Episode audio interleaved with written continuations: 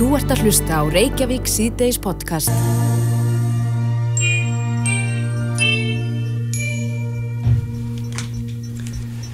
Jæja, við ætlum að eh, snú okkur aðeins að því sem að fólk er að sísla mm -hmm. þetta sömarið. Við heyrðum af eh, söfnun sem að stendur til að fara í fyrir barnahill. Mm -hmm. Margi sem vilja leggja því lið og við heyrðum til dæmis hérna af vinum Ferguson sem ætla að keira vestfjörðarhingin til að, að styrtja baráttu barnahilla. En svo erum við líka af uh, fyrirhuguðu sundi. Jú, þetta er sjósund og, og þetta er gert til að sapna fyrir til stuðningsbörnum sem búa á takasvæðu. Já. Mm -hmm. En það er sjósundkappinn Sigurgeir Svanbergsson sem að stefnir á Eyjasund í lok júli og hann mun synda frá Vestmanægum yfir til Landega Sanda. Og eins og það segir að þá er þetta sundin styrta börnum sem búa á takasvæðum og uh, undirbúningur er hafinn af fullum krafti og Sigurgeir er á línu, kom til sæl. Komið sæl. Já, þú ert ekki, þú hefur gert við líka áður eða ekki, þú syndir yfir Kollafjörðin er það ekki, frá, frá Kjallanessi við Reykjavíkur uh, árið 2021, það er að segja á síðast ári? Jú, ég gerir það í fyrra. Hvernig gekk það? Það kláraðist allavega, en það gekk svona ekkert sérstaklega sko, alls konar, alls konar vesin og rugg. Þú lendir í hremmingum þar? Já, miklum, bara allt og miklum. Já, hvað getur sagt okkur aðeins af því? Já, það beilaði bátur hjá okkur þegar við vorum kannski búin með svona eitt þriðja mm -hmm. af leiðin og hann var bilaður í svona einn og halvan tíma þannig að ég var bara eitthvað spreiklandi henni kring Já. Og hvað tók þetta langan tíma? Allt saman? Já Þetta tók rétt tæpa nýju klukkutíma Og þú ert allan tíma ný sjónum eða ekki? Jú Já, já 12 kílometra leið þarna mill í kollaverðinu Já já, svona tæmlega það. Já. Hvernig er það, hva, hvað áhrif hefur það líka mann að vera nýju klukkutíma í, í þessum kalda sjó? Það, uh, það hefur náttúrulega, þetta er mjög, mikið álag á liði að vera að tjöplast svona í þessum kulda. Mm -hmm. En ég var fljótur að jafna mig sko, ég var bara tvo daga að jafna mig frá þessu, en, en ég var mjög verkið daginn eftir. Mm. Já, en sundið þarna milli sem að þú ætlar að stefna á núna að fara í lók júli, þetta voru 12 kilometrar yfir Kollafjörðin en hvað er þetta langt milli lands og eiga? Þetta er svipað sko, þetta er 12,1 í, í hnitum sko en, en það má alveg búast til því að þetta fari upp í jafnvel 15 Já. kilometra, það fer, fer svona svolítið eftir hversu sterkir strömanir eru og, og svoleið sko. Erstu búin að reikna það út, tekur þið með að því þegar þú stipilegur og ákveðu daginn? Uh, já, ég er svona að við reynum það eins og við getum allavega. En síðan sér maður það bara svo, svolítið þú veist þegar þetta byrjar og þannig sér maður hvert maður er að reyka og, og svo leiði sko. Já. Erstu búin, að, ertu búin að kynna þér hafströymana þarna? Já. Já. Ég er búin að kynna mig það bara mjög vel. Og, og er ströymurinn sterkur? Hvað sér þau? Er ströymurinn sterkur? Já, hann getur verið það sko. Sérstaklega þannig við eigjar. Þannig að það er, það er svona aðal, aðal hérna, challenge er kannski í þessu öllu saman. Það er þannig að við eigjar og ég verð að fara á réttum tíma á stað. Um mitt. En segðu, hvernig undir, hérna, undir býrmaður sig undir svona sund? Hvað gerir þú til dæmis? Ég, núna er ég bara búin að vera synd í sundlaug aðalega sko. Út af því að hérna fyrir austan þar sem ég bý er sjórin bara í fjórum gráðan þannig að hann er alveg skýtkaldur en ég fer samt ofan í hann á hverjum deg að reyna að fara hverjum deg og syndi eitthvað smá mm -hmm. en, en maður næri aldrei nefnir vegalengt í, í þessum kulda sko Nei, hvert er hittast í þetta millir lands og eiga? Það, ég reyna með svona 11 minnst og 15 mest Já Er, er bara annað hittast í yfir höfuð þarna sunna við landi heldur en fyrir austan?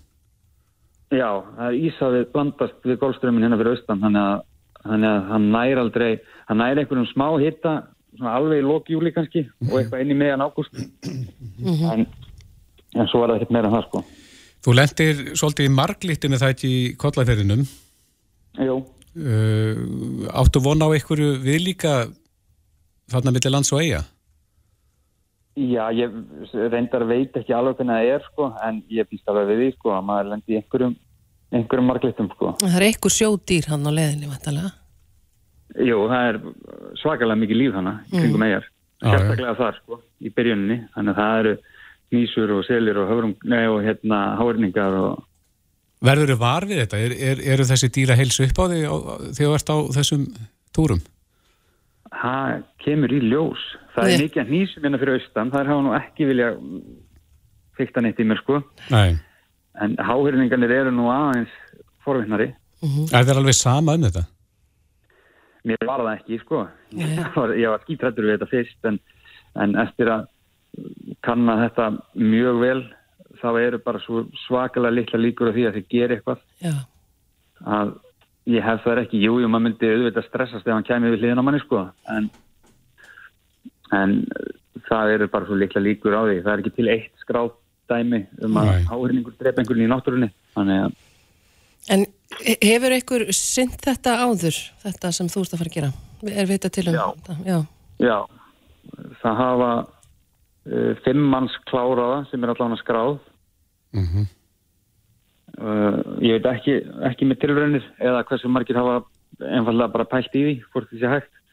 En, en ég veit að það eru fimm sem hafa klárað þetta. Já. Mælur með sjósundi? Það eru svona margir sem kannski gæla við að prófa þetta? Algjörlega. Alveg bara 100% sko. Þetta er þetta breytti lífi mínu allavega. Hvernig þá? Sko. Þetta bara ég stunda mikla líkamsrækt og, og ég finn það að, að sérst, ég er bara miklu betri líkamannum ég, miklu, sko, ég var miklu styrðari áður og var með mikið af vöðabólku og það er bara eða spari Er það kuldin eða, eða eitthvað annað sem að ræðu þar? það er líklega kuldin en svo vil ég allan að standi fyrir trúum að svona náttúru öll bara geti gert ímislegt sem að við áttum okkur ekkert endilega á sko Nei, það er seltan og, og hérna ka- kannski þessi hjartenging. Já maður finnur alveg munin á því að fara í kalt kar og í, í kaldan sjóin sko. það, er, það er alveg hellingsmunur þar á sko. Já, já. Ertu komið með dagsetningu? Það segir hérna í tilkynningunni sko í lók júli. Já, glugginn sem við settum er 20. til 2050 júli Er þá tekið mið af hafströmmum og, og, og slíku? Já, það er smástrimt þá og þá eru svona minnstu líkunar þegar maður lendi í einhverju vesinu Já, akkurat. Og þetta er náttúrulega fyrir þennan góða málstað, það er, það er barna heill sem að njóta góðs af. Já, Hvernig dættir í huga að bjóða þig fram í það? það bara þetta stendur mér alveg nærri sérstaklega eftir, eftir hérna Úkrænu stríðið allt saman og þá svona Ertu með tengingu þangað? Hvað sér þau? Ertu með eitthvað tengingu þangað? Nei, þetta er náttúrulega bara bakgarðurinn á Íslandi og í Evropu og maður verður svo var við þetta núna að þá þarf maður að hugsa um bara allan heiminn hvað er að gerast sko. Já, og kannski sérstaklega börni sem að verða þarna fórnarlömb. Já, Já, já, sem eru náttúrulega mestu fórnálömbin einmitt. Já, við segjum bara gangið vel með þetta, fylgjumst vel með, með sundinu. Þú, þú áttu vona því að vera þarna allt að 15 klukkutíma á, á svamli. Já, ég vona nú ekki. Það var, það var, ég, ég er að vonast eftir sex tímum. Ég var mjög ánægð með sex tíma. Já, Já. ef, ef allt fer ef ég missi ekki á neinum ströymum eins og í fyrra og svona, ef, ef allt vinnur með mér þá var ég vonast eftir sex tímum. Akkurat. Sigurgeir Svanbergsson, kæra þætti fyrir þetta og það má lesa nánar þetta inn á heimasíðu barnaheilla, barnahill.is. Kæra þætti fyrir þetta og bestu kveður. Gangið vel. Já, takk, takk Þú ert að hlusta á Reykjavík síðdeis podcast.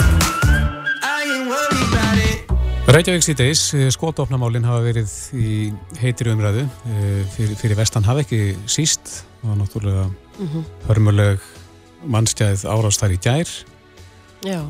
Þar sem að leyniskipta kom sér fyrir og það ekki byggingar og skaut á mannfjölda sem var að fagna þjóðtíðadegi bandaríkjamanna Einmitt. Og maður fyrðar sig á því sko, aðgengi að þessum skotvöfnum hann út í heimi. Þetta eru unglingar og ungt fólk. Hvernig er allir þessi háttað hér á landi? Já, og það hefur náttúrulega komið fram í fréttum að skotofna Íslendinga er mikil, svona með að við höfðatölu. Á línunni er Vilhelmur Átnarsson, þingmaður og fyrirverandi lauruglamaður, kom til sæl. Komið þið sælublesuðu? Já, skotofna lögjöfin er enn á ný komin í umræðina. Uh, telur þú þörf á að endur skoðana hér? Já, ég held að slík lögjöf þurfi alltaf að vera í sífældri endur skoðun og veit til þess að þetta er til skoðunar í ráðanittinu og ekki síst bara út af því að samfélagið og tíðarandi breytist og, og, og aðstæður og hérna og við erum líka bara orðin hérna, þetta er orðið opnara samfélag og fjöldóðlega allt það sko, þannig að þetta breytist allt saman og auðvitað þarf að skoða skotafna lögjöfuna samlega því en það er ekki nóg bara að horfa á lögjöfunu, við þurfum að horfa á framkvæmt lögjöfurinn mm -hmm. það eru þessi skilirðin sem eru sett á bæði reglugjörð skilirinn á námskjón, hvað eru námskjón ströng og laung og hvert er eftirfylgni og, og, og eftirlit lauruglu og annara eftirlitsaðala með lögjöfinni og frænkandinni á, á, á lögunum. Þannig að við, ég held að nú ekki síður þar sem við þurfum svolítið að staldra við og sjá hvað getur kert betur þar mm -hmm. og hvernig þurfum að bregðast við breytum heimi.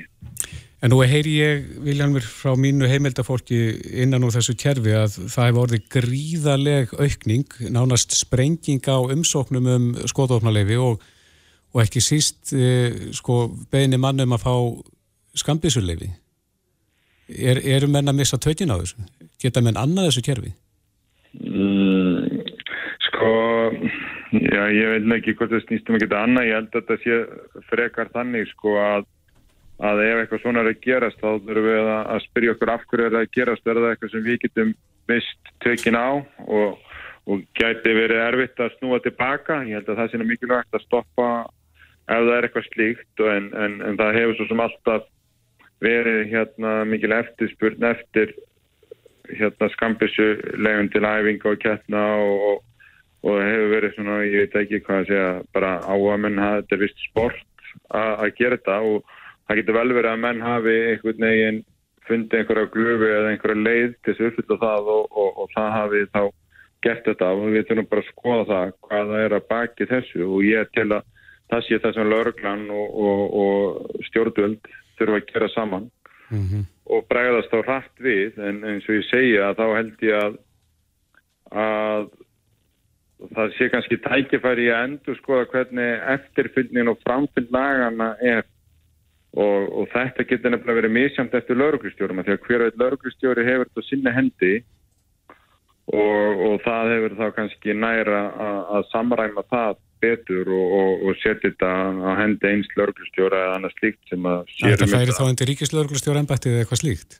Já, veist, það þarf ekki endilega að fara undir það ennbætti bara eitthvað af ennbættum lauruglu og hérna ég treysti nú bara ráðanetinu og lauruglunum til þess að finna af því hvar, hvar því er best fyrir komið sko en, en, mm. en, mhm. hérna, en ég held að það geti orðið allavega einn leiði að gera þetta svolítið svona skilvirkara í því og, og fá þá, þá kannski kemur betri heldamind og þá verðum við fljótar að fá upplýsingarnar og getum bröðist hraðar við ef það er einhverju hérna, einhver óðalegt að því að ef að það er bara einu og einn skambis að aukast umsóknin í hverju ennbætti þá kannski verði ekki lauglistjórnir heilsinni varði við að skambisum sé að fjölga svona mikið. Nei, en hva, hver eru skilir þið fyrir því að fólk getur fengið skotvarnum að leifi? Hvernig er þetta í dag?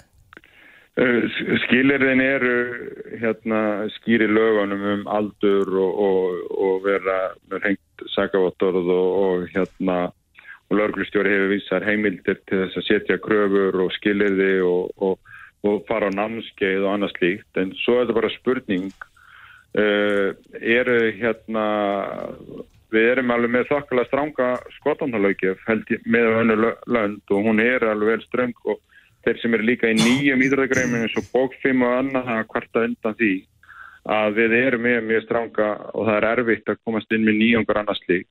Mm. en það er þá hvernig uppfyllu við skilurinn er námskeiði bróð stutt og auðvöld er, er hérna er uppfæst á þeim gögnum að því að þú ert að endur nýja á tíur á flesti er eitthvað aðtuga hjá þér hvort það breytist eitthvað á þessum tíu árum eða ekki? Já, Þarna komum við inn á eitt atriði Viljanur, það er til dæmis ef að uh, hagur manns breytist það er að segja uh, hérna, heilbreyði eða eitthvað annað slíkt tala kjærfinn saman. Ef að, ef að ég hef bara ekki andlega líkamlega getu til þess að eiga skottorn Kemur það fram eitthvað staðar í skotvopna skráningunni?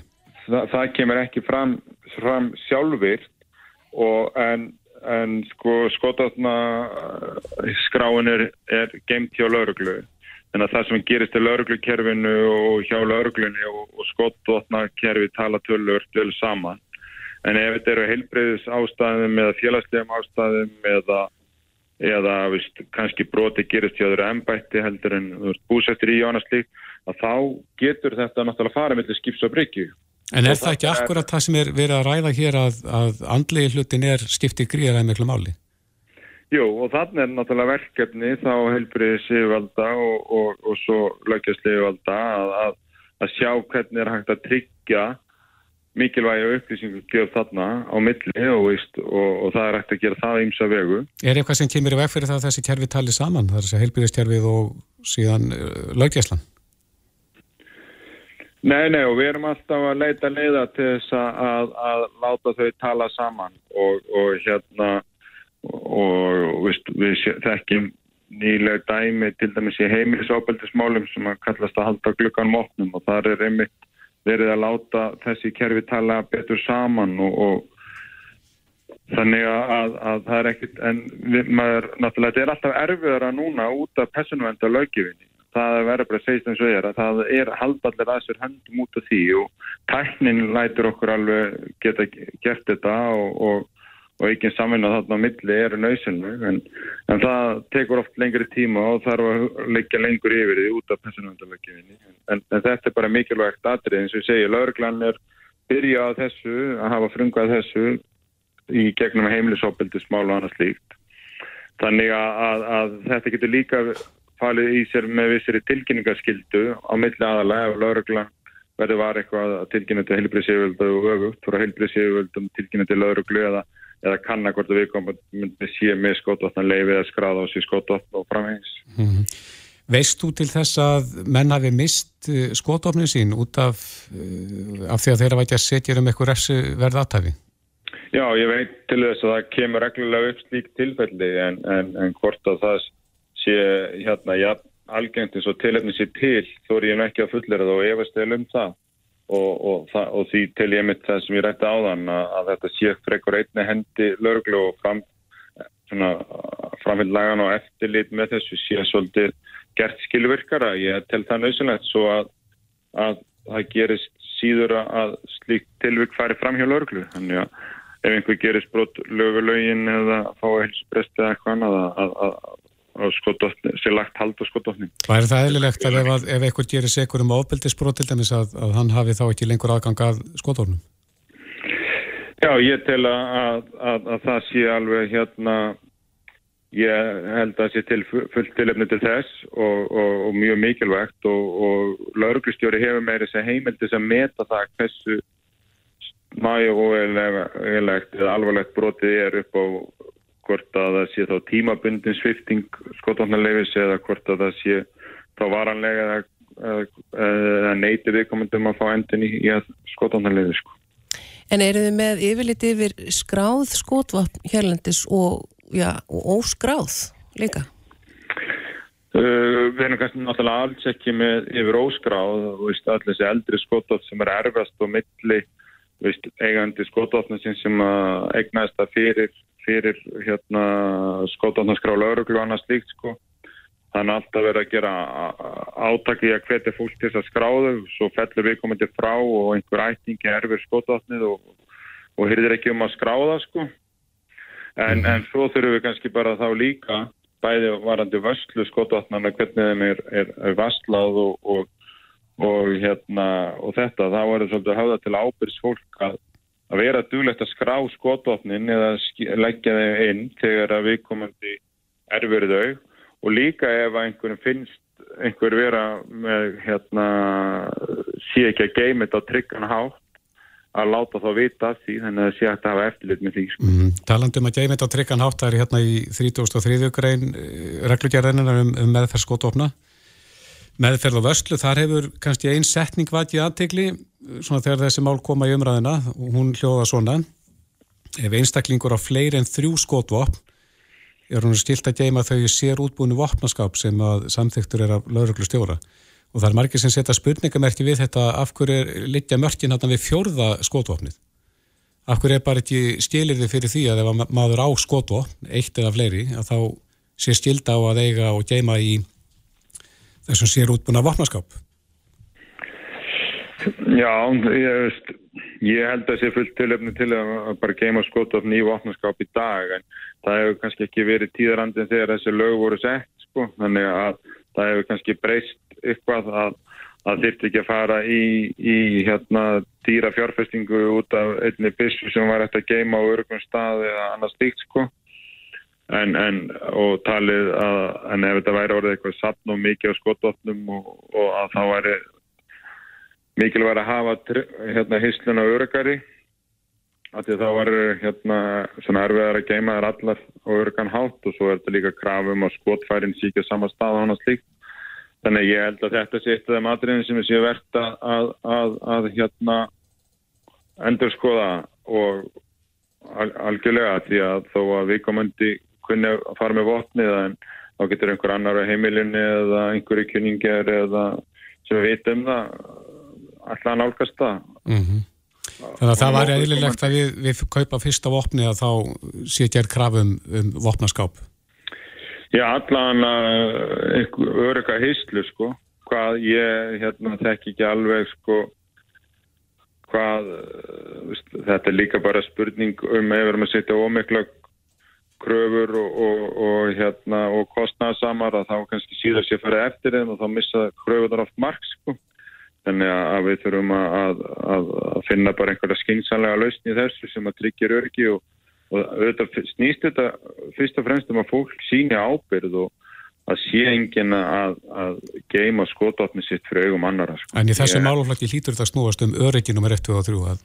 Það er nr. 1, 2 og 3 að snúast um öryggi og þess vegna verða allir sem að fá hlýtt votn í, í hendunar að, að, að taka sér saman um það að hérna að gæta fylgsta öryggi og sína svona ábyrð taka það ábyrð sem fylgir að eiga þetta votn mm -hmm. og, og skota sem er bara vopn almennt að sjálfsögðu og hérna og auðvitað eiga að vera stranga kröfunum það en, en ef að þú sem skotatna eigandi og skotatna áhamaður vilt hérna hafa löggefina og frangandina þokkalega eðlega að þá verður líka sína ábyrg mm -hmm. til þess að til þess að löggefin þurfi ekki alltaf að sjá um ábyrgina fyrir alla, það gengur ekki endalust Nei Vilhelmur Átnarsson, þingmaður og fyrirvendulega örglumæður. Kæra þakki fyrir þetta. Já, takk sem leiðis. Þetta er Reykjavík C-Days podcast. Ástöðu 2, þar sem að Kristján Barunarsson farið okkur fréttir að fyrstur af Ramagsflugvilni. Einmitt. Sem er komið til landsins og orðin er komið með flughæfi styrtinni, að því er okkur stílst. Hann er komið til okkar til að segja okkur aðeins af þessu Mattías Sveinbjörnsson sem er fórsetið flugmálafélagsins og framkvæmtastjóri Ramagsflugs, er það ekki? Jú, það heitir, uh, heitir Ramagsflug og þetta er svona félagirunni sem var stopnað um innflyttingin á þessari fyrstu rámsluvel mm -hmm. og það, þetta er eiginlega hugsan af þeim hætti að uh, þetta skref, þetta fyrsta skref sem við ætlum að taka í orkurskiptum við flýi mm. að það gert samilega af bæði öflugu fyrirtækjum í fluguröstri mm -hmm. uh, aðeins sem eru síðan að kenna og vila sambarlegar þessari og síðan einstaklingum þannig að flugsamfélagi heilsinni tekur þetta fyrsta, fyrsta skref Þetta er stórt skref Þetta, þetta er mjög stort skref og, og, og upp að, að, að mínum að þið ansi mögnum tíma. Núna eigum við eftir að fljúa umhverjusvannum vélum, uh, vélum sem að kosta miklu minna að reka, eru öðuldri viðhaldi, áreðanlegri og uh, það er eiginlega, þetta tekkar eiginlega öll bóksin, það er eiginlega svo fátt sem þetta næri ekki til mm. og hérna þannig að, þannig, já, þannig að þetta fyrsta skrefi tekja að þessum, þessum fyrirtækjum og, og svona til, til þess að reyna að kynna uh, ramaslug, orkurskiptinu flýi uh, prófa hluti uh, reyna á regluverk til, til dæmis, bara hvernig hvernig næri regluverki utan þessa vilar og hinga til að hafa með kannski sagt já þetta er bara hluta framtíðinni, en núna er þetta orðin raunverleiki, vilin er bara út á Reykjavík hluti og hérna fer vonandi bara í fyrsta flýja næstu tögum mm -hmm. þannig að þannig að regluverkið innviðir bara menn hugsa með þeim hætti að við séum að fara inn í, inn í þessa nýju tíma það, það er tilgangur verkefnisins og það er tilgangur þessa félags. Hvað breytist við það að fara yfir í rafmagnið?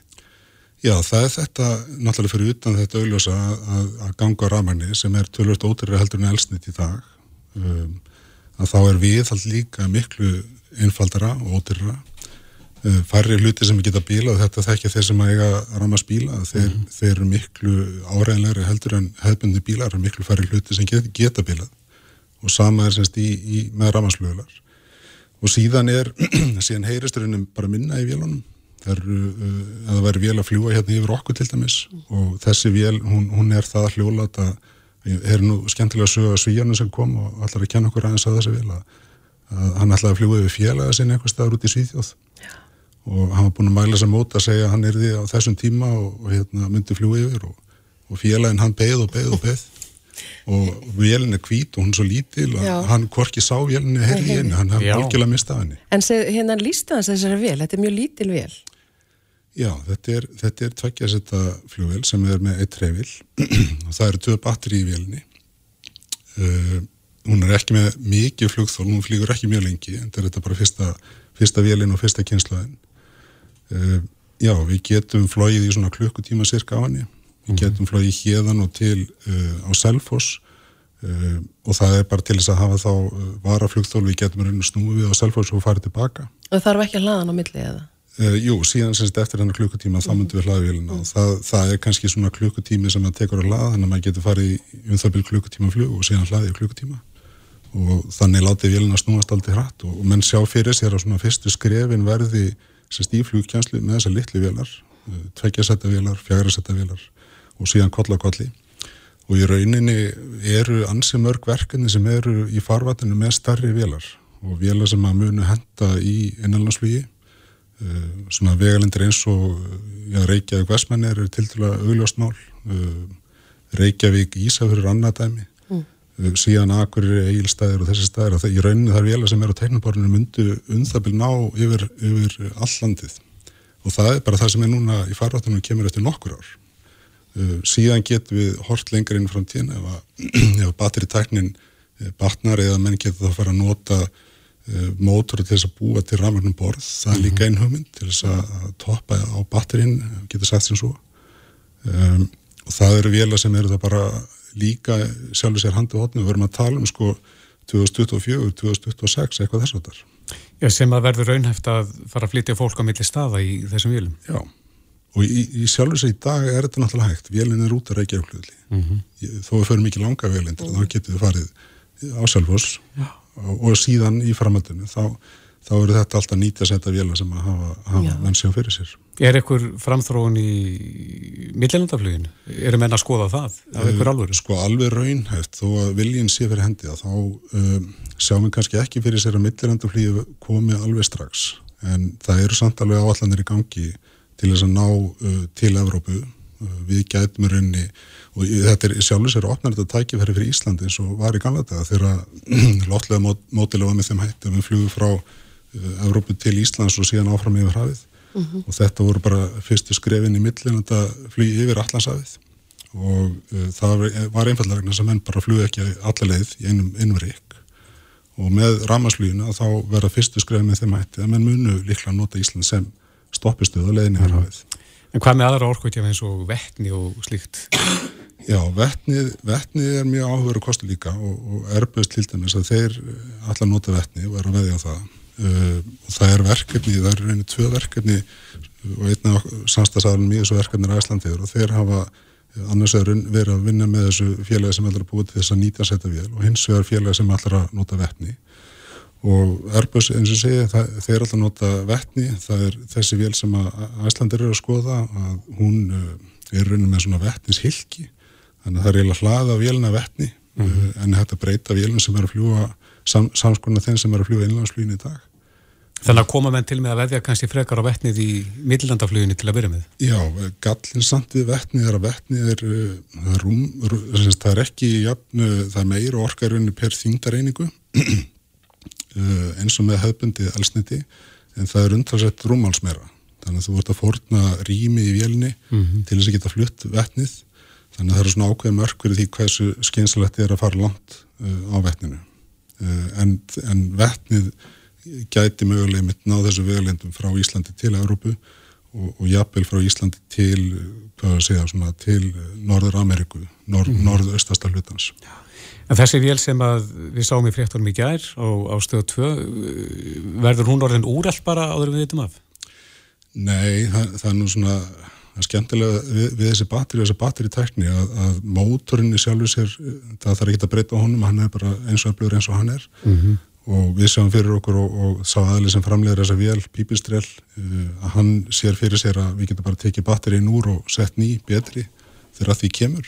Og, og við tengjum þetta bara við sama mótor og, og getum þannig rauninni, þannig getum vélinu bara endur nýja sig aftur mm -hmm. þegar því kemur. Alltaf þjálfa marga flugmenn fyrir þessi vil? Já, sko, við ætlum að byrja því að þjálfa fjóra flugmenn og við viljum svona byggja upp bara góða reynslu á þessari tækni núna næstu dag, næstu vikur, mögulega mánuði áður við förum eitthvað að stíga frekari skref, við viljum bara að þetta sé vel gert við viljum að, að þessi fylgsta öryggi gæti í tinslu þetta allt saman og síðan í framhaldinu þetta ekki af, að verður ekki af þrejum flugskólum það er Æslandika Aviation Academy sem er flugakademi í Íslands flugskóli Reykjavíkur og síðan flugfélagi Gerfugl mm. og þar munum mann geta þá uh, komist í að læra á þessar vélar uh, geta komist í kynnisflug á þessari vél og, og þá semst í framhaldinu þegar þessi kennar eru búin að læra sitt að þá, þá geta menn bara farið í kjænsluflug og prófa þetta Já. og þá eins og segi, það er svona hugmyndi líka með þessu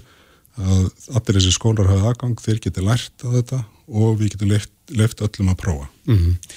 Er þið farin að undirbúa komið næstu vélar? ekki alveg strax út aðeins undan okkur þetta en, en hún, ég er svo samfærið um það eftir að hafa sko kynnt mér þetta betur, fengið að setjast í, í svona vél, setja henni í gang og, og bara sé þetta svona með eigin augum að, að það er miklu stittra í næstu vél heldur margir halda Hefur þú flóið sjálfur í svona vél? Ég hef reyndar ekki gert það uh, en ég hef kert í henni og ég er búin að fá svona fyrstu þjálfunurinn á vélni Já. og bara til dæmis að, að setja þessa vél í ganga er einfallega þannig að það eru fjóri róvar sem, sem þú ítir á og þá er allt tilbúið til hlutags mm -hmm. Þetta er mjög auðvilt þannig að við getum þess að flóið Já, já ég, ég er tilbúin að segja það. Já. þetta er, þetta er, þetta er tölverst einfaldara uh, fyrir flugmannin að fljúa svona flugvel uh, það sem er kannski flóki og við þurfum að passa upp að vera uh, það, það með batterín með, með allt sem, öll kerfin sem er í vilni með viti hvað, hvað að gera ef eitthvað skildi út að bregða sem eru litla líkur á þá, þá séum við bræður fyrir það en, en það að setja vilja gang og rekana það er alveg sárainfald mm. Hún er ekki farin loftið eins og er hvena stendur til að fljúa henni á hellu? Við, sko, við erum að stefna í rauninni á þessa viku við erum bara í því að, að kominni saman og, og, hérna, og flytja henni til hellu, mm. hún er ekki komið þangað Menn þú fljúa? Já, ég stefna því Já mikill áhuga maður um þetta. Akkurat. Já, þetta er spennandi og svo sannarlega nýju tíma framöndan. Eh, Mattías Sveinbjörnsson, fórseti flugmálafélagsins. Kæra ekki fyrir komuna. Þetta er Reykjavík C-Days podcast. Í gær heyrðum við í formanni Örkjabandalagsins en eh, í gær morgun mætti móðir, ungrar fjölfallar konu í bítið. Mm -hmm og sagði frá reynslu sinni að baráttu sinni við kerfið og þetta er náttúrulega ekki fyrsta sinn sem við heyrum af því að fólk sem að sundvert sem á um sálfabinda eða hefur mörgkorn að líta með veika einstaklinga eða er sjálft í þeim spórum Já. þar var kljást við kerfið og uh, svona hefur líst baráttu sinni við það mm -hmm. en á línunni er fórstjóri þeirra stofnuna sem er nú oftast nefnd þegar að þessi mál ber að góma. Marja Heimistóttir, fórstjóri Sjúkartrygginga Íslands, kom til sæl. Sæl og blessaður. Já, þegar maður heyri þessar sögur sem að manni finnst verið allt og margar að þá eru sérstaklega tvær stofnaninn enda til söguna. Það er, eru tryggingastofnun og svo Sjúkartryggingar Íslands. Þú heyrir vantilega sjálf þessar sögur eða ekki? Jú, við gerum það og, og það eru þetta mjög leiðilegt að heyra af svona neikværi Eh, upplifun og, og eh, hins vegar leggja áherslu á það að við viljum mjög gætna að fá ábendingar um það sem betur má fara þannig að við getum þá bætt úr það sem þess starf. Mm -hmm. Ja, þetta er oft fólk sem er í erfiðri stöð og þetta er svona mál sem að fólk kristir hausin yfir eins og þú heyrði náttúrulega sjálf viðtalið og last greinina eftir Kristínu Tröstadóttur sem að mætti nýbítið í gær. Þetta eru svona sögur sem að fólk bara er með að trúa. Já, þetta er þetta, mjög leiðilegt að heyra uh, af þessum uh, setna, já, samskiptun sem hún Kristín var að lýsa og um, og þetta er eitthvað sem að við viljum auðvitað alls ekki sjá í okkar þjónustu að svona á auðvitað bara alls ekki rétt á sér. Mér er samt mikilvægt að minna á það að, að það eru þetta lang oftast sem að, að samskiptin ganga mjög vel. Við erum með 200 uh, samskipti eða yfir 200 samskipti í sími að þjónustu vera á hverjum degi uh mhm. -huh og eh, langstæðstu hluti þeirra gengur auðvitað bara mjög vel en það er bara mjög eðlilegt að þessi, eh, þessi fái tilvik þar sem að hlutinir fara svona eh, bara alls ekki, alls ekki nægilega vel að það er auðvitað bara alveg eðlilegt að það komi til skoðanar og umræðu í samfélaginu og við skiljum það bara mjög vel. Við erum með þetta þjónustustofnun sem er til þess að þjónaborgurunum þegar þeir þurfa á því að halda og Um, og það er bara uh, mjög skiljanlegt að þetta komi upp. En eins og ég segi þetta er sem betur fer mikil minni hluti. Mm -hmm. en eitt svona tilvik er einu tilvik og mikil við viljum ekki sjá þetta. Nei, Það er aldingt að maður heyri sko að fólk upplifi það viðþorfa þegar það setur sér sambandi þegar að leita eftir e, þjónustu þessara stofnana að það sé svona gengi út frá því að fólk sé ætli, ætli sér að svindla á kerfinu? Já, ég auðvitað reyngi ekki ef að, ef að fólk upplifir það að þá eh, reyngi ég ekki þá upplifun en ég held hins vegar að það sé alls ekki ætlun starfsmanna og fólk er nú mjög vel upplýst um það í okkar stofnun að að eins og ég sagði við erum þjónustustofnun og tölurnar sína það að við samþykjum lang, lang flestar umsóknir, það er uh, á milli 90 og 100% aðeins eftir, mismunandi eftir málaflokkum, þannig að það er nú þannig að, að yfirknefandi hluti umsókna er samþyktur sem mm. betur fer, en við skiljum með þetta alveg að það er erfitt fyrir fólk að fá höfnun. Um, jáfnvel þó að það gerist ekki ofta, það er jafnslæmt fyrir einstaklingin og Uh, og þá bara hvetjum við fólk til þess að, að hafa samband hvort það er einhver möguleiki á að einhver miskilningur hafi orðið þannig að við viljum auðvitað bara gangur skugga um að það sé verið að afgreða hlutina rétt. Réttindi fólks eru skilgreynd í reglugjörðin sem að heilbreyðsraðanitið gefur út og, og mitt samstarfsfólk að það sem sagt afgreður umsóknir samkvæmt þessum reglugjörðum. Lang, lang flestar umsóknir eru samþygtar. Einhver hluti er svona vafamál og þá fer sérstakt heimi yfir það og samþykir nú lang oftast en svo er alltaf einhvert brot eh, hæstalagi, ja, það er á milli hérna 0 og 10% eftir máluflokkum sem er ekki samþygt. Mm -hmm. Var heyri Marja eh, sérstaklega fóreldur langveikara barna hvart undan því að það sé nóg að, að þurfa að sinna sínu börnum þannig að það þurfu ekki að standa í stappi við kerfið síðan? Já, þetta er auðvitað málefni sem brennur sérstaklega á fóreldurum langveikara barna og uh, þess vegna uh, viljum við náttúrulega tryggja að ferðlarnir þar í kring séu eins já, auðveldir eins og mögulegt er við hefum nú til dæmis ekki verið að óska eftir umbóðum almennt séð frá foreldrum þó að börnum séu orðin 18 ára gömul. Það er oftast heilbreyðstarfsmenn sem að sækja um til dæmis hjálpartæki og, og eh, okkur er nú ekki þótt ástæða til þess að kalla sérstaklega eftir umbóðum en ég veit að fólk þarf að skila þeim uh, eins og í böngum og víðar eins og hún Kristín var að lýsa. Mm -hmm. Og, og það er þetta bara mjög mikilvægt að það sé reyna, reyna að draga úr þessum hindrunum eins og hægt er.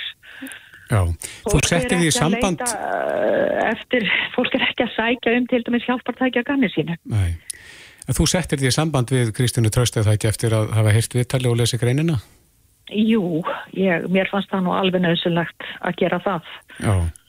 Eh, þetta var mjög gott samtal og... og uh, þó að þetta aðtök sem hún lísti hafi verið löngu áður en ég hóf störfa að þá bara að ég hana eh, afsökunar á því að þetta hefði komið, komið upp. Mér finnst þetta mjög leiðilegt. Við viljum ekki að fólk upplifi svona í okkar stoppun og, um, og erum að reyna að gera allt til þess að, að hindra að það verði. Þannig að, mhm. að og það er nöðsynlegt einmitt í því tilliti þá er svo mikilvægt að tala við notendurna. Þannig að við erum með reglulega samráðsfundi til dæmis með örkjabandaleginu eh, með umhyggju, með krafti og þetta eru svona stór og, og uh, notendarsamtök sem að standa fyrir uh, stóra hópa uh, sem eru auðvitað með ólíkar tarfir en það er mjög mikilvægt fyrir okkur að eiga þessa reglulegu samráðsfundi með þeim, heyra hvað gengur vel, hvað mætti fara betur og, og svo framvegs. Mm -hmm. Tekur ekki undir það að kjærfið mætti tilenga sér aðeins meiri samtjæmt og, og samúð? Ég held, jú, og ég held líka að uh, sko kannski orðið sem að ég myndi kjósa er sko þjónustu, þjónustu lund, þetta eru þjónustu stopnarnir mm -hmm. og hérna fólk á ákveðin rétt, ekki, ekki 100% rétt en ákveðin rétt sem er skilgrendur og, og uh, okkar starf er að koma þeim réttundum til fólks á snurðulöysan hátt og eins og ég segi lang, lang oftast gengur það vel en, en það er því miður alltaf ein, einhver mál eins og þessi sem við erum að tala um hér sem að það sem að koma upp einhverjum högrar og við hefðum geta gert betur og þá bara viljum við gera það og þess vegna er svo mikilvægt og, og, uh, og mikilvægt að fólk eins og Kristín eh, sem að við töluðum bæði við í gær komið fram og segi sína farir reksléttar Já. og láta okkur vita Og, og það kemur alveg fyrir að fólk hefur samband, það er nú ekki oft en það hefur þá bara beint samband við stopnununa eða mig og, og, og segir uh, hvernig gekk og hérna og það er bara mjög mikilvæg endurgjörf. Já, en það er greinlegt Marja að, að þú ert að hlusta á Já, þá sem að þið eigið að þjónusta. Við hlustum. Já, Marja Heimist. Og fyrir allar ábendingar. Marja Heimistóttir, fórstjóri Sjúkratrygginga Íslands. Kæra þakki fyrir spjallið. Takk sem er leiðis. Reykjavík síðdeis á Bilginni podcast. Þetta er ferðarmenn sem að lifa fyrir það að skoða kvali. Já, akkurat. Og svo eru einhver bráðum það að ferðarmenn koma hinga og vilja fylgjast með kvalveiðum. Já, þetta stangast kannski á. Getur gert það, en við erum komin í samband við Húsavík, þar er uh, Stefán Guðmusson, eigandi kvalaskoðuna fyrirtækisins Gentle Giants á línunni, kom til sæl. Já, komið í sæl. Er ekki mikið að gera á ykkur í, í kvalaskoðunum þessa dagana? Jó, það er búið að vera tölvert mikið við og aðeins verið að glíma við leiðinda veður, svona samlíkjandi daga fram á mánaðamótum og svo erum við bara byrja núna eftir tvo samfélda bræludaga og þetta bara lítur bærileg út. Veðrið að ganga niður, sóli farin að skína og, og fullsta kval. Já, já, ég ætla að spyrja, er nóg að kvala svæðinu? Það er búin mikið að kvala svæðinu. Mm. Ég var að sína steip fyrir í síðustu ferð og svo eru núubakkar hérna um allan flóa og hafrungar að sína sig og leika listi sínar. Nóg nó að kvölum og ferðamennum? Já, við skulum segja að sé, sé mikið á ferðinni og, og vonandi er þetta bara það sem að koma skall mm -hmm. inn í kom, sumari. Hvað komist þið nálagt uh, þessum dýrum? Já, fyrsta svar er eins nálagt og þau vilja að við komum. Mm -hmm. Þau stýra ferðinni algjörlega. Og þið fylgjast bara með? Já, í rauninni sko, ef að ef að þeim finnst við vera komnir og nálagt að mm. þá eru þá látaður okkur vita svona kurtislega eða fara bara í burtu sko. Er þetta, er þetta nokkuð spökdýr? Þeir eru ekki hrætt við þeir sjá hreyfingu bátur og ferðamenn og taka myndi þeir eru bara nokkuð slagir? Já, ég heldin að það eru nokkuð slagir og nú bakkattir eru nok okkar aðal síningadýr og það er alveg ótrúlegt að fylgjast með þeim og lesa það því að þeir eru bara eins og mannfólki hver með sinn karakter og við erum að sjá dýr sem að koma hér inn ár eftir ár og þeir eru orðinir ymsu vanir og fara jafnvel í það að skoða bátana og skoða fólki og við drefum bara á vélum á meðan. Já, viljaði klapp? Já, eflaust en, en hérna við erum ekki að ekki að stunda það eða leipa fólk í það. Ekki koma við þau. Svona, svona ótanda náttúru. Einmitt. En Stefán, nú er náttúrulega umræða um kvalviðar og, og hafa verið fréttir af því að einhverjur er að afbúða að koma sína hinga til landsins. Verður þið eitthvað varið við það? Við verðum lítið vörð við það sem betur fyrr og þetta er auðvitað bara pólitísk ákvörðun að, að nýta úr þessum stopni ég ætla ekkert helst að blanda mér mikið í þá umræðu þó að ég telji að ef að menn vilja gera það að þá megi jafnvel svona huga nútímalegri aðferðum og þetta þarf ekki endilega að vera sínilegt fyrir allra augum en Hvað aðferði getur það verið? Það er bara, bara mín skoðun. Mm -hmm. Með hvað aðferði væri hægt að veiða kvalina svona, þannig að þetta væri ekki sínilegt og þú segir?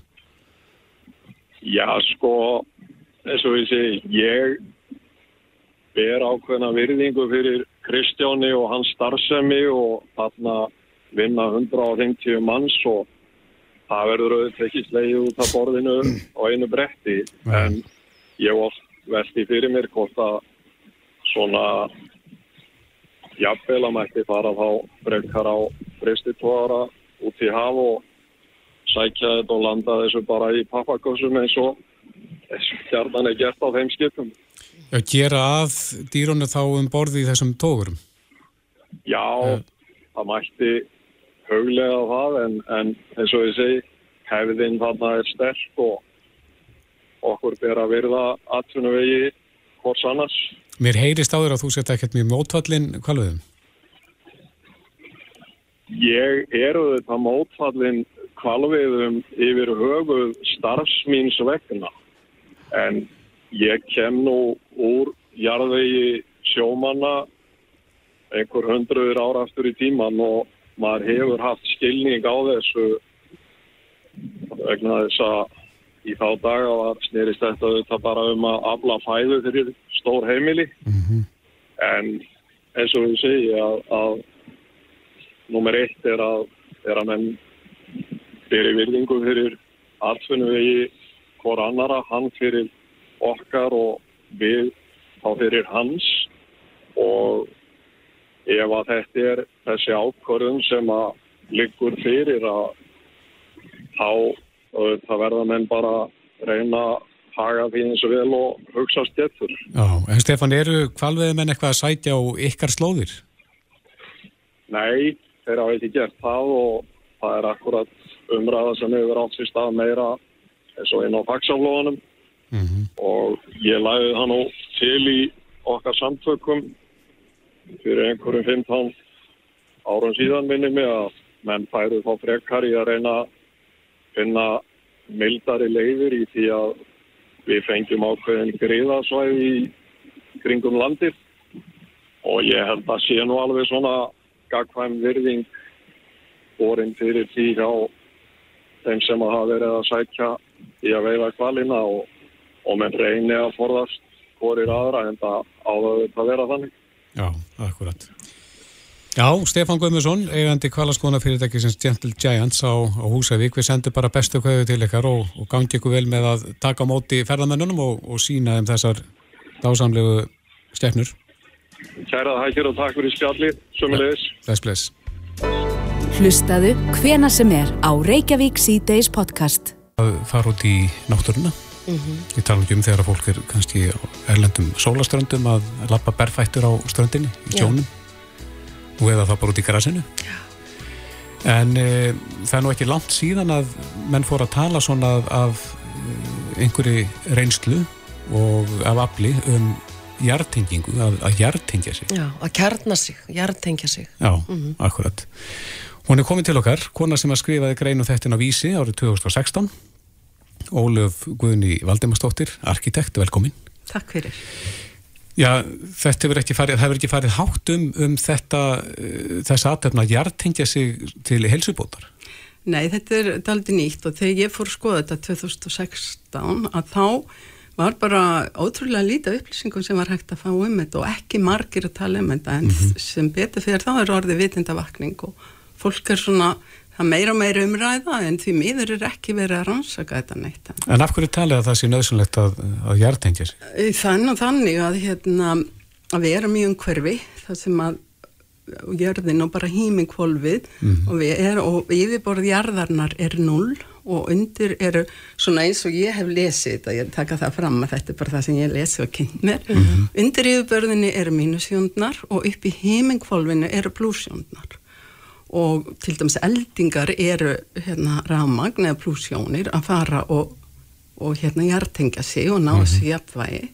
Og það reynist með líkamann sko við hérna hlöðumst upp út í einhverjuna að þessum plúsjónum og áður fyrr þá eins og dýrin við vorum að lappa berfætt og þá kom alltaf þetta jafnvægi í gegnum líkamann milli plús og mínusjónuna en í dag þar sem við erum í svona miklu gerfefni líka inn í húsun því sko oft hefur hérna neistar á milli fólks og hérna stöðuramagnið stöðuramagnið, já mm. og þetta líka með hlæðst upp að þessu og að því við erum í skóm við erum í bílum og, og löpum á malbygginu við erum svo sjaldan í tengslum við jörðina og þá mm. tekst líka mannum ekki að, að hérna jóna jafna sig og fá mínusjónin til að taka á móti mm. plussjónin En hvað er talið að gerist á því líka mann og af hverju þetta að vera slæmt? Sko þetta náttúrulega hefur áhrif á taugakerfið sem er taugakerfi og hjarta. Þetta er rafkerfi líkamans og þetta er svo sem eins og ég saði við einn ramarsverskræðing sem að var að hlæja mér og ég bent á sjónvarp og sagði hvað kemur fyrir þetta sjónvarp ef er ómikil yfirspennaði á lengi það eidilegst auðvitað sagði hann og þá sagði ég já það gerist nefnilega sama við líkamann á mér ef að hann er í ómiklu rafsiðum á lengi þá eidilegst taugakerfi mér líka mm -hmm. En er ekki fólk misnæmt fyrir þessu? Fólk er misnægt fyrir þessu, jú, alveg klárlega mm. og það sem að gerðist var að ég bjó í húsi í heilt ár sem að reyndist svo að þegar loksins ég fekk menn til að koma að mæla þá var það korki í jarðið að sökkulskaut, þetta var sumarhús mm. og þá byrja ég að finna fyrir þessu. Sumt fólk finnur þetta ekki og ég held að það sé líka lífefnafræðilegt. Mm. og ég er svo sem það þarf að rannsaka þetta, ég held að þetta geti haft með hérna steinefnin, elektrolítana í líkamannum að gera. Að þeir verða upp urnir ég veit ekki allavega að sína það sé að sko íþróttamenn það er mjög hátt hlutvall þeirra sem að hérna sem að degja ára mendi eða fá að mendi sjúkdóm mm. og hérna og íþróttamenn er í auknum mæli að taka þessi elektrolíta eftir hlaup og það, þeim er ráðlagt að, að taka þá inn í töfluformi eins og uppleist í vatni og Þannig að þetta er sko bæði held ég lífefnafræðilegt í líkamannum og svo er það náttúrulega að við erum alltaf að taka eins að plussjónir mm. og við mhm. lostum ekki við. En hvað gerir síðan þegar þú nærð hjartengingur, segjum bara gengur berfætt út á grassi? Í þetta bara, þegar ég hlæðst mikið upp að þá get ég illa sofið, ég fæ einbyttingast skort og það sem gerðist sem að gerist ekki lengur, ég fæ bæði hjarta óreglu og síðan því ég er á mjög slæm eins og því ég var í þessi sumarhús og átti að mikið að þessu að þá hérna hristist í stundum svona eins og ég finnst að já svona byrja líklega Parkinson, maður byrja svona að hristast, mm. þannig að og mér finnst bara svo mikilvægt að þetta sé rannsakað. Fórstu þá að stúdera þetta þegar þú lendir í þessu í þessu húsi? Já, við, ég og fyrirvöndi sambilsmaðminn unnum aðna heilt ár og við byrjum að finna fyrir þessum einkennum, þau byrja í nálatóða síðan í hérna sínadrætti og síðan bara svona almennri vannlíðan eins og fólk sem er með hérna vefjagikt lýsir. Mm -hmm. Þetta er mjög tilsarlega. En þú segir sömarhús, þá ja. veltum að fyrir sig sko að sömarhús er í náttúrunni maður kannski haldið að það veri minna um svona spennu og ramagn í náttúrun heldur en í borgum Já, Nei, það snýst um húsið sko Það snýst um, um ramagn í húsinu og svo loksins þetta í tvö ár mhm. -huh. því ég bjó sjálf til þá ég ætla nú ekki að fara út af viðan að tengja virki sem að kallast krákufótur og fekk þá rafvirkja til að koma og mæla húsi loksins að þá komi ljós að þá mm. korki jarð eða sökkulskaut á húsinu. Þannig að rafmagni sem kom inn það hlóðst upp í húsinu. Plúsjónar, það hlóðst upp í líkamannum á mér og það konst ekki til jarðar. Og líka á sambils, þá er þetta sambilsmanni mín sem að síðan greindist með MND og við erum bæði samferðum að þetta ár í þessi sumarhúsi hafa verið tryggarinn fyrir það mm -hmm. að hann fekk að meldi. En, en við það síðan að hjartengi ykkur uh, fundið ykkur á breytingu? Já, já, já, já algjörlega, engi spurning. Fyrst er náttúrulega að forða sér úr svona umhverfi já. og þá lagast maður aftur. Þá bara maður fyrir að sofa betur og einbettingin verður betri og maður hættið, það er svona veðvabolg og alls konar spenna í líkamannum sem maður losnar um og ég fyrir reglulega út í nautólsvík og allir fara að synda, ég fyrir að hjartingja mig ég ken jafnvel á veturna upp og klætt í dúnulpu og fyrir bara að grafa mig í sandin sko með fætirnar, þá ég er bara að hjartengja mig. Og hvað ertu lengi svoleiðis? Þetta er svona, talað um að það sé gott að gera þetta 20 myndir og dag. 20 myndir er mjög mikill tími, en ég reyna að fara svona þrýsar í viku Já. og mista að fara þá í lónið og ég held að þessi sjáarböð, það er fyrst og fremst þessi hjartenging. En nú ert þú uh, arkitekt, tekur þú mið af, af þessu í þínu störfu? Ég reyni það og ég reyni að vekja aðtegla á þessu en það er líka fullt af fólki í byggingar eðnaðanum sem er síðan meðvitað um þetta og það er alltaf aukin krafa, meira og meira krafa um að hjartengja húsnæði. Er þetta mæla húsnaðið hvað mikið spenna er? Já, það er mjög auðvelt að mæla þetta og hérna það, maður nota til þess svona fjálsviðsmæli og ég mæli allt húsnæði sem ég þarf að vera í, vinna í og sofa í og hérna passa að vera á réttum stöðum. Síðan er á hinum sko endan en líka móta þess aðgerðnar, vera ekki með tæki í sambandi sem eru ekki hjartengt, mikið af þeim ramastæki sem við notum í dag eru óhjartengt og til dæmis í sömum húsum þegar ég er búin að ef ég gist eitthvað staður og finn mér hlaðast upp þá hérna byrð ég húsrandu hvort það getur vinsanlega tekið rafmagni af herbygginu fyrir mig aðri fyrir svo náttúrulega Ertu mjög næma á þetta? Ég, ég er mjög næm á þetta sko. ég er mjög næm og, og þarf að hug, huga að þessu í allir minn lífi mm. Myndur þú mæla með því að fólk sem er að hlusta núna að það prófa þetta, að hjartengja sig? Algjörlega. Þó að nema að fara bara berfætt út á grasið í 20 myndur? Algjörlega og gott að bleita þá sæði sem það stendur á mm. og alveg klárlega með fólk sem er í hérna, er með vefjagikt að það pröfið og það er líka sko það sem er svo slæmt að þegar fólk fær til dæmis vefjagikt þá mingar færniðist til þess að fara út og það verður svona uppgjöf, maður verður svo þreyttur að maður eiginlega verður svo uppgjöf en maður getur eiginlega ekki neitt og hérna það sem maður gerist er þá eiginlega bara leggjast helst í ramagsrúmi sitt með hérna sjónvarpið og vídeo við gaflein og bara horfa og þarna ertu komin í mjög óheilnant umhverfi og ert bara reynilega að auka og hlaða inn plúsjónum inn í líkamann mm. og það svo sem hefur syngt sem með hérna við hefum geitt rannsókn hérna sem ég las um norsk rannsókn að besta niðurstaða um það sem geti hjálpa, þetta er svo lítið rannsóka að það var að fara út í einhverju og lappa og þá sagði ég já og taka skóna líka. Helst, helst í úða regningu Já, og þetta er og við vitum það sjálf hvað okkur líður vel þegar við erum að lappa berfætt úti og við finnum alveg þetta hérna, hvernig líka menn eitthvað neginn slakast slakar á sér. Mm -hmm. Já, það sakar ekki að prófa. Nei, það láta, sakar ekki. láta reyna á þetta. Mm. Þetta er áhugavert. Ólaf Guðni Valdimarsdóttir arkitekt, kæra þætti fyrir komuna. Já, takk. Reykjavík síðdeis á Bilginni podcast. Nú er háana tímin í verðarþjónustunni Heldur betur, enda hásumar. Já, margir að faralds fæti En uh, þeir sem eru á ferðin og ég tala nú ekki um með börn kannski meðferðis, Já, þeir þekkja það það er efriðt að hafa ofana fyrir börnunum sínum. Já, já En við erum ágóðst að bók sem að samina þetta tvent, það er að segja ferðalög og svo að fræðast um landið sitt. Einmitt. Og miðla kunnáttu og, og fræða börnin, láta þau líta upp úr símanum til dæmis. Já, Mm -hmm. og höfundu bókarinnar er komið til okkar, Gauti Eiríksson, verður velkomin. Takk. Þetta er önnur bókin sem þú gefur út. Já, það kom út í fyrra bók undir sama heiti, Hvað veist um Ísland, þessi heitir Hvað veist um Ísland 2. Já. Fyrri bókin var svolítið um landafræð og staðhætti. Mm Þessi er það einhverju leiti líka en þessi er miklu meira um tengingar við söguna. Mm. Bæði Íslendingasögurnar og bara uh, atbyrði sem hafa gerst um íslenskar kveikmyndir, íslenskar tónlist, íslenskar íþróttir. En alltaf svona uh, tengt hverjum landsluta, tengt hverjum stað. Já, þannig að þegar þú ert að keira, segjum bara á vestfjörðum að þá eru ákveðnar tengingar í spurningunum við það svæði. Já. Já, já.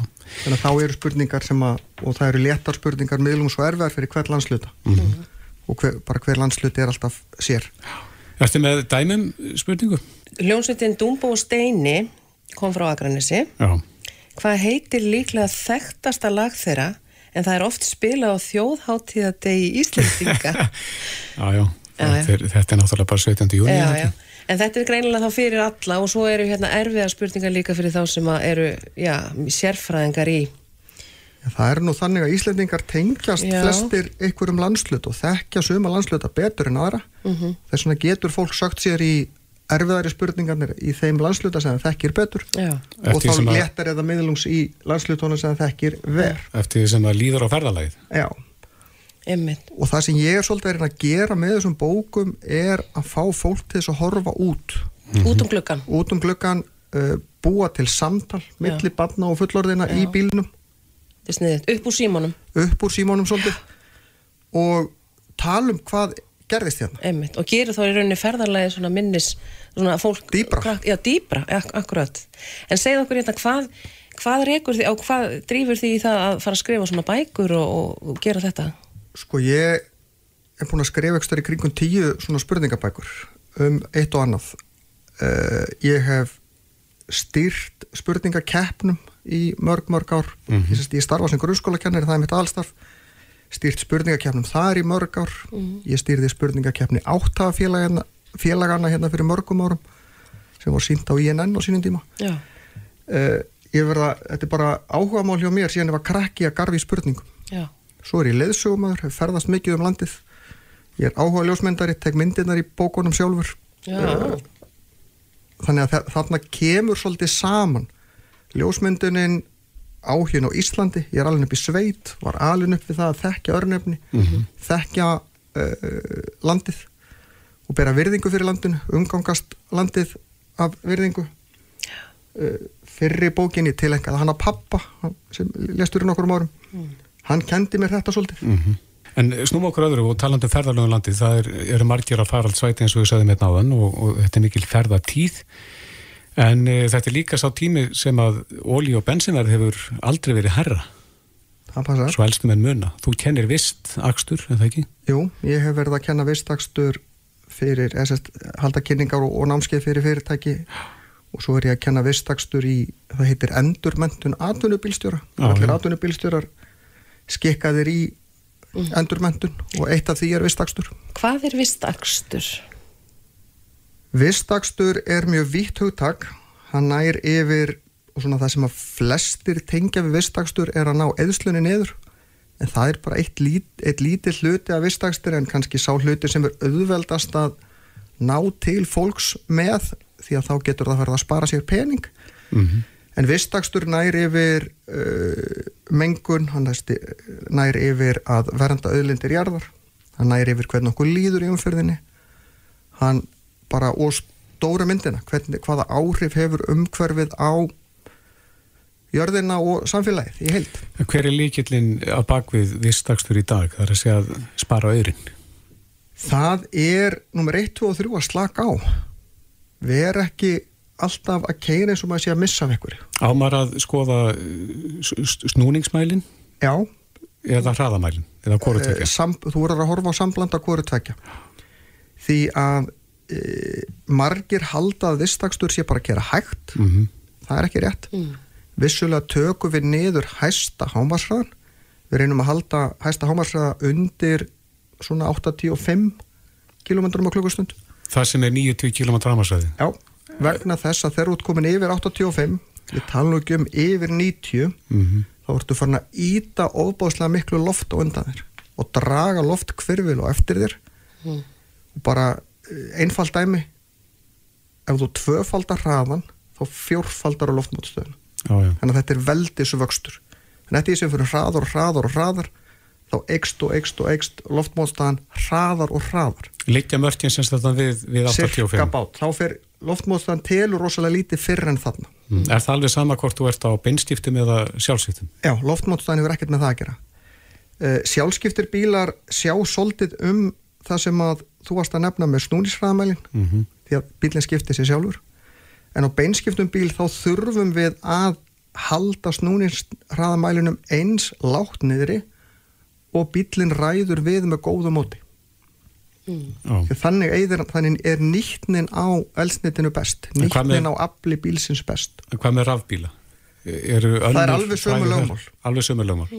Því að þú, á, sömur halda að þeir þurfa ekkert að pæla í sig af því að séu á ræmarsbíl Mhm. það er ránt þið viljið nýta rafmagni sem best Mhm. komast sem lengst á hlæðslunni þú nefndir að keira til Akureyrar ráðan Mhm. að kannski ekki slepp ég á einni hlæðslu allalið eða það er bara að hlaða einu sinni ef ég keiri vistakstur. Mhm. annars lendi ég að þurfa að hlaða oftar. Eru sömu mörg þar 85 Já, það er, það er engin munur á því.